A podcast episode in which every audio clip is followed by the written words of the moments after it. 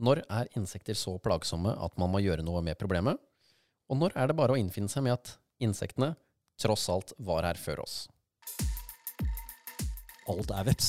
Har du maur, som også er en type veps. Det er ikke slik at du, du hører knaskelyder og du ser mauren bære av gårde huset ditt på skulderen. Sett fra bienes synsvinkel så er det ikke noe forskjell på deg og en bjørn som kommer for å spise opp all maten og alle larvene deres. De vil forsvare det. La, la humla suse i fred, altså.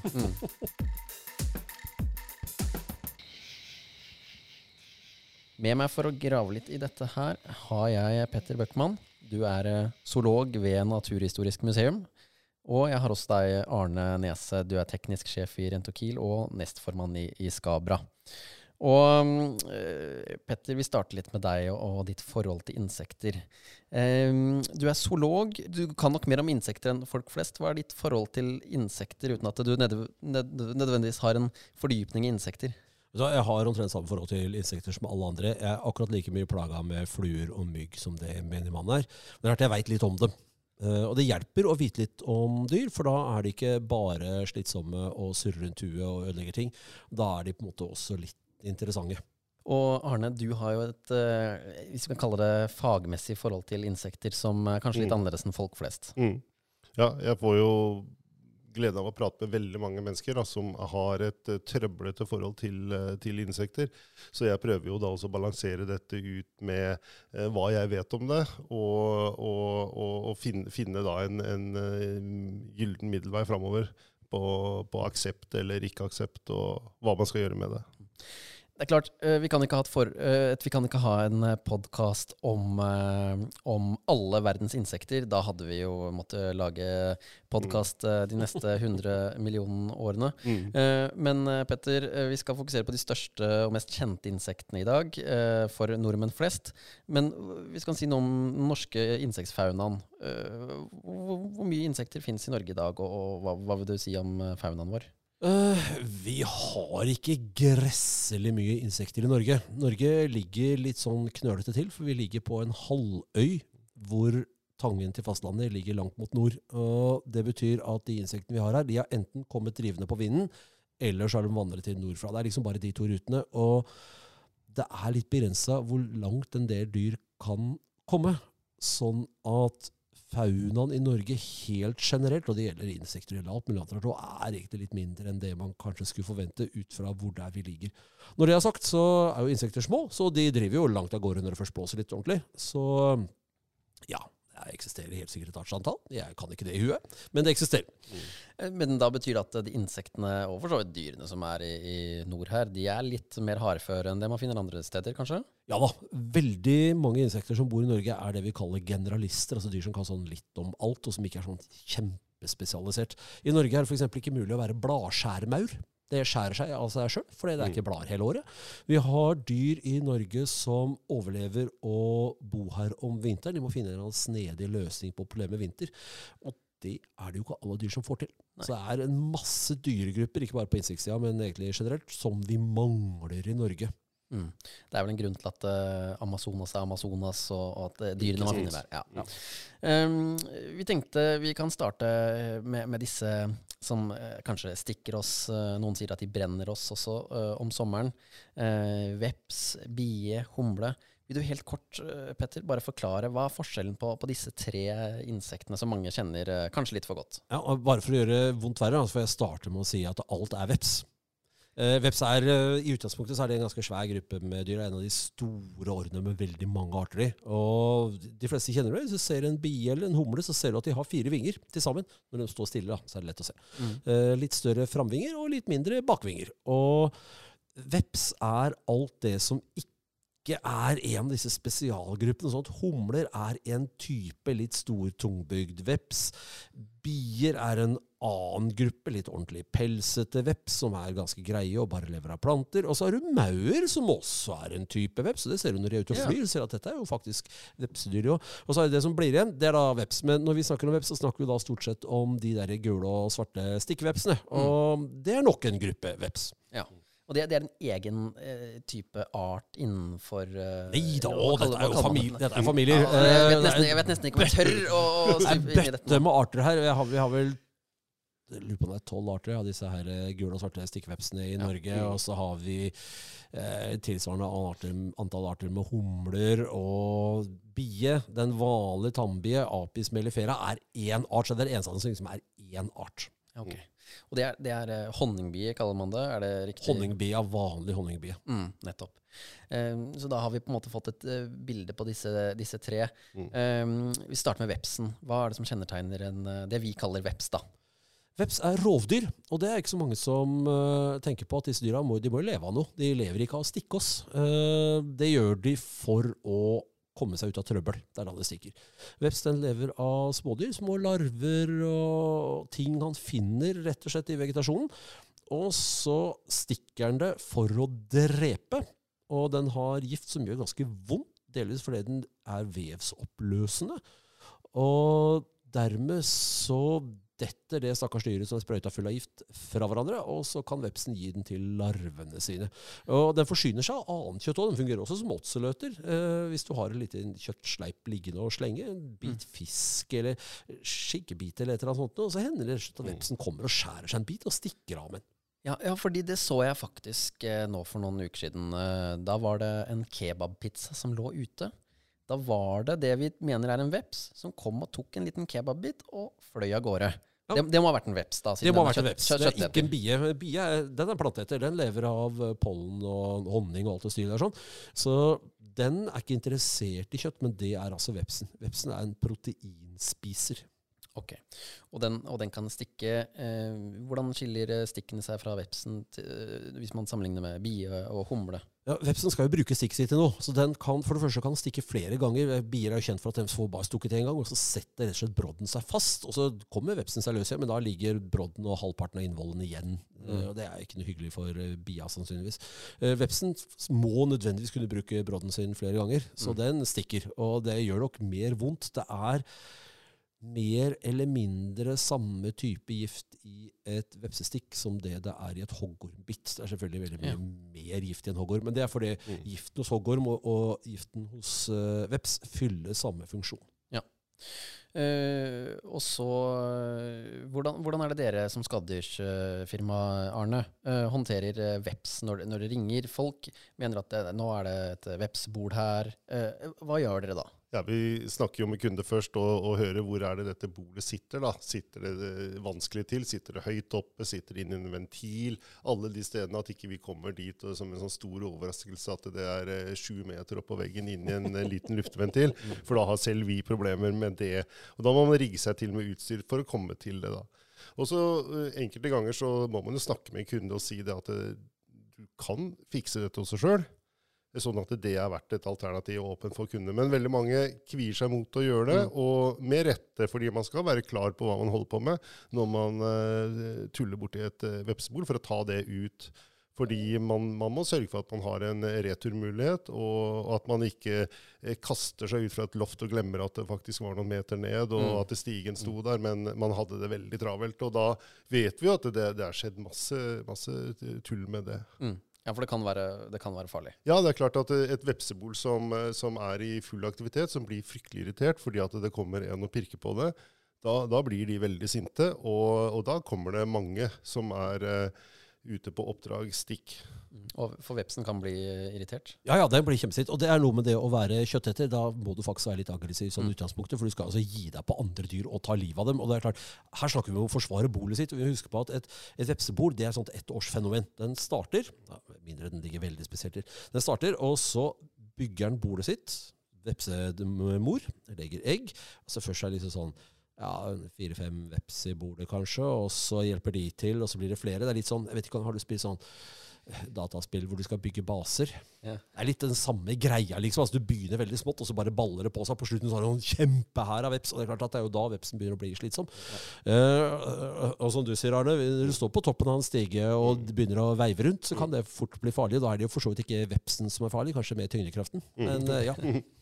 Ja, nettopp. Mm. Og, og så uh, beveger vi oss videre til, til bien. Jeg får inntrykk av at det er en, en litt mildere, mildere fetter av uh, det vi kaller for veps. da. Uh, for bien, hvordan er det den eh, lever sitt eh, vanlige liv?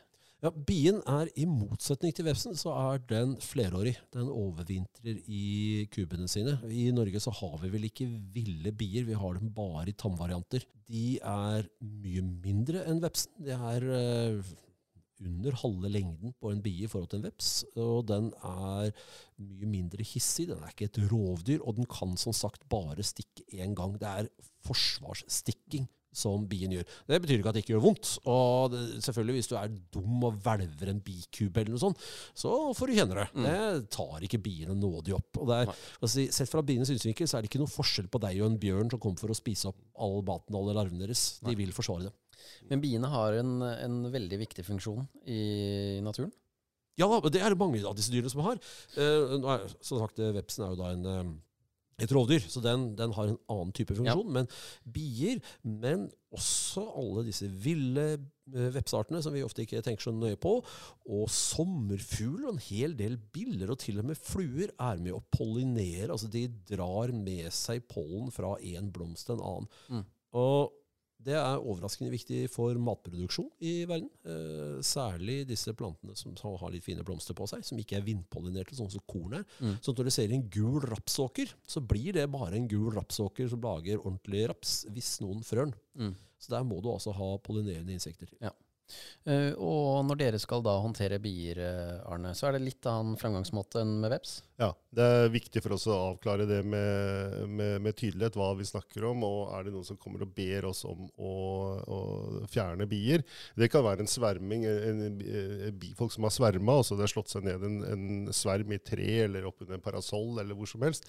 Så, så er ikke det oppdrag for en skadedyrbekjemper å gå og ta det. Da bruker vi de som kan bier veldig godt, og det er birøkter, Mm. som da får avgjøre hva man skal gjøre videre med det bifolket som har, eh, har slått seg ned. Om de skal tas med videre til, et- til et bisamfunn, eller om de ser på dem som en, en fare for å ta med inn, da, med tanke på sykdommer som kan uh, følge, følge bifolket. Mm. Det er klart at det blir jo, det blir jo flere bier. Altså, alle dyr fungerer jo sånn at det blir flere av dem. Og på et eller annet tidspunkt så er det såpass mye bier i en kube at dronninga ikke når over. Hun må på en måte dupere de andre biene til å få med seg at det er hun som er dronninga. Blir det for mye bier, så, så er det ikke nok feromoner og tull. Og da blir en del bier de blir slett lei dronninga. Nå er det at når du først er voksen som bie, eller som insekt generelt, så kommer du ikke noe videre. Det er ikke sånn at du kan endre deg etter at du har hatt siste hamskifte.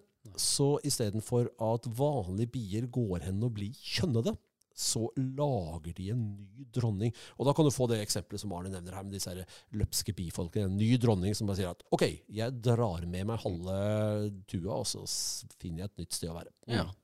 Og det kan, bli, det kan bli mange. Det er mange som er på flytefot da. ja. Det høres ut som et veldig spesielt samfunn og spennende, Mm. spennende, og, spennende gjeng. Mm. Eh, vi skal bevege oss over til eh, den siste fetteren, eh, hvis vi holder oss på det begrepet. Humla. Den ser jo litt sånn morsom ut med sin litt sånn store, lodne kropp og små vinger i forhold til kroppen. Litt brei over sessen og et veldig sympatisk dyr. ja. Ja. Er, er de greie? Vet du, jo større, Det er litt med insekter som det er med bikkjer, gjerne. I hvert fall disse stikkende insektene. at Jo større de er, jo mindre hissig trenger de å være. Mm. Vi har jo f.eks. Et, et dyr som du ikke har vært eh, bortom henne, den derre kjempevepsen. Mm. Vår venn geithamsen. Ja. Som er dobbelt så svær som en vanlig veps, men veldig veldig få blir stukket fordi den, den er ikke noe hissig. Det er noe når den kommer durende, så skjønner folk at det er alvor, og så lar de den være, og så tuller ikke den med dem heller. Humlene er litt i samme gata. Du skal jobbe litt for å bli stukket av en humle. Setter deg på den, så stikker den. Og det gjør sabla vondt. Det Mm. gjør ordentlig, ordentlig, ordentlig vondt. Men det er veldig få som blir stukket i forhold til folk som blir stukket av veps og bier. Ja. Og den er også en planteeter, skjønner jeg da. Typisk planteeter lever av pollen og, og ja, Honninga drar den med stort sett til, eh, til larvene sine, men den spiser mye pollen. Men Petter, skal du nevne dette, avklare dette som mange sier, som, eh, som sier at de har blitt brent av humlene? Ja, Ja, det, Ja, for det lurte jeg også på. ja, vi, vi sier jo det at det blir brent, og det er fordi det kjennes veldig vondt. Det er sånn, litt sånn brannsårfølelse av selve stikket. Det er litt annen gift i den der humla enn det er i vepsen. For det- humla skal jo ikke løse deg opp innenfra, den skal ikke leve av deg. Det skal bare gjøre vondt. Så Mm. det er vel knapt noe som gjør så vondt som brannsår. Eh, og sånn kjennes det når humle stikker. Så Vi sier at vi blir brent av humle, men det er altså nøyaktig det samme som skjer. Det er en, en vanlig humle, den du møter på ute, den er jo ikke ikke fertil. Den kan ikke få barn. Så det du har bak der, det er en modifisert eggleggingsbrodd, som da Ja. i stedet for pumper ut noen safter som svir litt skikkelig. Ja. Ok. Mm. Uh, og, og hvis dere får uh, Eller får dere noe særlig henvendelse på humle? Ja, absolutt. Vi får uh, humlehenvendelser. Som, eh, det er humler som har slått seg ned i, ved et inngangsparti, ved, ved en, i en mur. Uh, typ, typisk sånne steder som du kanskje passerer av og til, hvor du da ser at det, det henger humler i lufta. Og da, da, da sier jeg at la, la humla suse i fred, altså. Mm. Og bruke det uttrykket. Og de, de aller fleste mennesker tar det greit da, men, men selvfølgelig, man treffer jo da de som er ekstremt allergiske. Mm. Og de, de skal vi ta, ta hensyn til. Og det er også viktig å avklare med tanke på er det en re, reell eh, allergifare her. Fordi at vi har mennesker som, eh, som går rundt sammen med oss, som, eh, som i beste fall blir veldig syke, eller i verste fall rett og slett kan stryke med, altså få, få insektstikk. Ja, og det er jo kanskje særlig ille i forbindelse med veps. Det er en del som er allergisk Mm. mot veps. De som er allergisk mot veps, er også allergisk mot hoggorm, for det er som sagt altså mer og mindre samme gifta. Og det er vel mer annethvert år eller sånn, sånn gjennomsnitt, så er det noen som stryker med av vepsestikk i dette landet. Ja. Og det er altså stort sett folk som får anafylaktisk sjokk pga. Mm. allergien sin. Ja. Mm. Må være et av dyrene faktisk da som tar kanskje flest liv i Norge. Ja, så skal vi, skal vi måle, sette opp sånne lister om farligste dyr. Det er sånn som jeg typisk blir bedt om sånn i agurktider, og det ikke er noe fornuftig mellom. Sånn, hva er det farligste dyret i Norge? Så er det sånn, uh, solklar førsteplass, menneske. Uh, Annenplass elg. Eh, ikke fordi elgen gjør noe gærent, men fordi vi kolliderer med. Ja. Og så kommer ku, og så kommer veps. Ja, ok. Ja. Um, men men uh, som vi vet da, da har vi det ganske greit her i Norge i forhold til en del andre land. Um, oh, ja. Ja. Hvis vi tar uh, Vi snakket så vidt om, om fluer, og der skjønner selvfølgelig jeg også at det finnes et utall ulike fluearter. Men hvis vi kan fokusere på de som man kanskje får mest uh, med å gjøre eh, i Norge, eh, hvilke fluer er det vi snakker om da? Ja, de som, eh, som eh, jeg som en profesjonell eh, skadedyrbekjemper får befatning med, det er, det er jo da fluer i forbindelse med mat. Hus, husflue, også, også fluer som, som går på maten din. Eh, og, og også da fluer som følger eh, frukt og grønt og, og ting som gjærer Mm. og, og går i forråtnelse. Ja. Da, er vi, da er vi på husflue og eh, Heter det bananflue også? eller? bananflue. Unnskyld, Drosophila melanogaster. Så det er jo holdt på for lenge. vet du, Det blir bare Ja. latin på meg. Ja. Det er vel, er vel de, eh, de som blir mest plagsomme, vil jeg tro. Ja, Ja. ja. det er det. Og- og Hva slags skade er det de gjør da? Altså De drar med seg da skitt rundt? Ja, øh, øh, fluer så kan jo forårsake øh, sykdom. Øh, voldsom sykdom, fordi at de, de drar øh, smitte og, og basilisker og ting man ikke skal ha i seg. Det, det trekker man med seg rundt da, og når de lander på maten din, og de, øh, de, de, kaster opp på maten din, og spiser dette om igjen, og sprer det dermed rundt omkring. Og dette er jo ganske sånn ekkelt, og det handler jo bare om en liten flue, men, men det er faktisk sånn den lever, og sånn den er nødt til å leve for å kunne nyttiggjøre seg det den skal ta til seg. Mm. Og den går jo på ting, og trekker da også ting med seg med føttene. Og du nevnte rett før vi gikk på lufta her, at uh, de smakte med føttene. Det Ja, ja, de har smakssanser på, på føttene sine, så du ser liksom flua går og labber i maten. Hva Ja. er han driver med? Ja. Kunne ikke stelt seg på kanten og spist? Nei, den kan faktisk ikke det. Den er, må smake litt. Mm. Mm. Eh, jeg nevnte jo også før her at eh, Før vi gikk på at jeg ja, fluer som eh, ikke stikker, og så sa du at selvfølgelig de stikker jo ikke, med mindre de faktisk stikker. Det finnes fluer som stikker òg. Ja, det gjør det. Eh, du har eh, våre venner eh, mygg og knott. Det er faktisk fluer. Eh, og kanskje særlig eh, kleggen. Ja. Den som er, kan være plagsom. Mm. Og vi har jo en kleggtype, vi har den tuneflua nedover i Østfold. Den er eh, Altså, Det er ikke verre enn andre dyr, men det er så forferdelig mye av den når det Mm. først slår til. Du har disse her masseforekomster. Dere får kanskje en del telefoner om akkurat det? Ja. Vi gjør det. Sånn sett, det er, ikke, det er ikke fryktelig mye vi kan få gjort med det. Nei, ikke sant, for det er et naturlig fenomen. Ja, ja, og vi, vi kan ikke gå øh, ut i naturen og foreta noe bekjempelse i natur. Det, det, vil, det vil aldri forekomme. Ja, det er stor jobb, i hvert fall. Uh, ja, det, Kan du selvfølgelig minelegge hele Ja. vassdraget, ikke sant? men altså, da, da får du andre ting på nakken. ja, Ja. ja, den tar jeg ikke. Nei. Eh, ok. Uh, og så vil jeg gjerne snakke litt om vi- Du toucha så vidt innom det også, maur. Eh, hva- hva er det egentlig som er en typisk norsk maur? Altså, de, de fleste tenker på, når jeg tenker på maur, det er de vanlige skogsmaurene, de sånn rødbrune og svarte formika-artene, som er sånn vanlig maur som traver rundt. Eh, Dem du får eh, innendørs, det er derimot de små svarte. Det er vår venn eh, sukkermauren og, nei, og, og sauemauren og disse, Mm. som da kommer traskende glad og fornøyd inn på kjøkkenbenken i lang, lang rekke Ja. og forsyner seg. Og veldig typisk at de går i lang, lang rekke, for det, maur ser ikke sånn gresselig godt. Det er, eh, når du er så liten, så er det litt begrenset hvor mye øye du har, og hvor mye hjernekapasitet og torke, tolke det du får inn av øynene du, du har å rutte med. Sånn at de går stort sett på duftspor. Førstemann som går og finner mat, tar og gnir rumpa litt i bakken, lager et fint spor. Så kommer de andre etter. Her er det mat å finne. Ja. Og da har du det gående. Mm. Ja, ok. Uh, og når du får dere noen henvendelser på maur, er det Ja. plagsomt for folk? Ja. Sort, sort jordmaur er, eh, er, eh, er en gjenganger. Hvert eneste år så er det masse henvendelser, henvendelser på det. Mm. Og da igjen så gjelder det å, å avdekke da til liksom, hva er det vi snakker om her. Er det noen som da tilfeldigvis kommer inn gjennom døren din på en god sommerdag? Eh, som noen opplever, opplever som veldig brysomt. Og da må man eh, prøve også ta bort den, det ordet brysomt, og så si at dette er egentlig noe du må regne med, fordi at huset ditt det er helt oppe i skaukanten. Ja, ikke sant? Og da får du det, enten du vil eller ikke. Vi gjør det. Ja. vi gjør det, Og vi må godta det. Men så er det da tilfeller hvor, det- hvor det rett og slett blir fryktelig mange. Eh, veldig mange som da er på jakt etter, et, etter mat. Og da må man finne kanskje et, et lite maursamfunn som man kan da eh, gjøre noe med. Ja. Og hva- slags skade er det de gjør, da? Eh, den gjør egentlig ikke noe, noe skade. Eh, den er på jakt etter mat. Kan maur gjøre skade på bo Abs- boligen din? Ja, absolutt. Eh, vi har den skadegjøreren, eh, eh, stokkmaur. Mm. Ja, Eh, da er vi over i en annen divisjon enn de søte Ja. små svarte. Ja. Den, den, hvis den etablerer seg i huset ditt, så er det klart den kan gjøre stor skade. Og den gjør stor skade eh, hvert eneste år rundt omkring.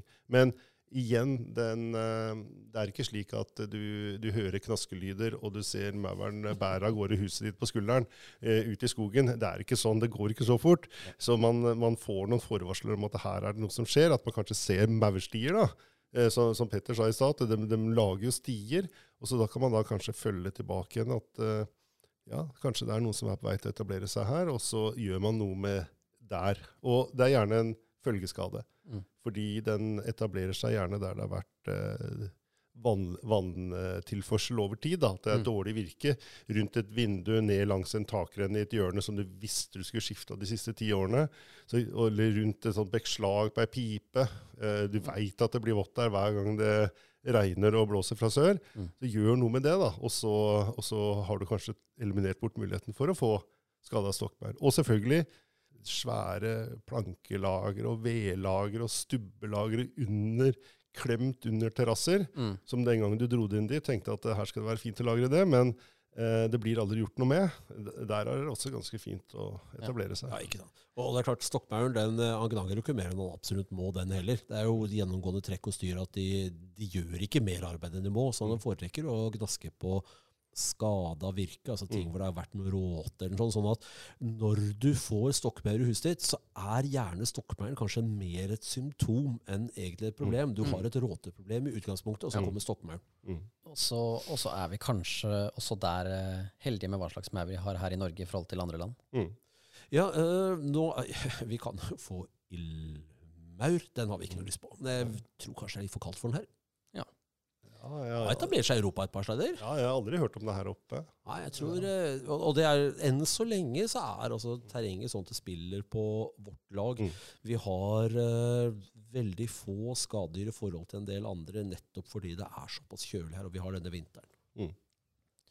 Ja, men eh, bra. Eh, jeg er litt eh, klokere på, på eh, i hvert fall veps og bi og humle nå, eh, hva som er hva. Eh, flue har jeg klart å identifisere eh, fra tidligere, eh, og mauren også, men da vet jeg i hvert fall hva, hva de gjør og hva de ikke gjør. Mm. Tusen takk for at dere var med, begge to. Eh, og til du som har eh, hørt på denne episoden. Eh, vi har andre episoder også om veggdyr, om eh, skjeggkre, om rotter og mus. Ja, om uh, ulike typer skadedyr. Så syns du dette er interessant, så er det bare å, å lytte videre. Mm. Takk skal dere ha.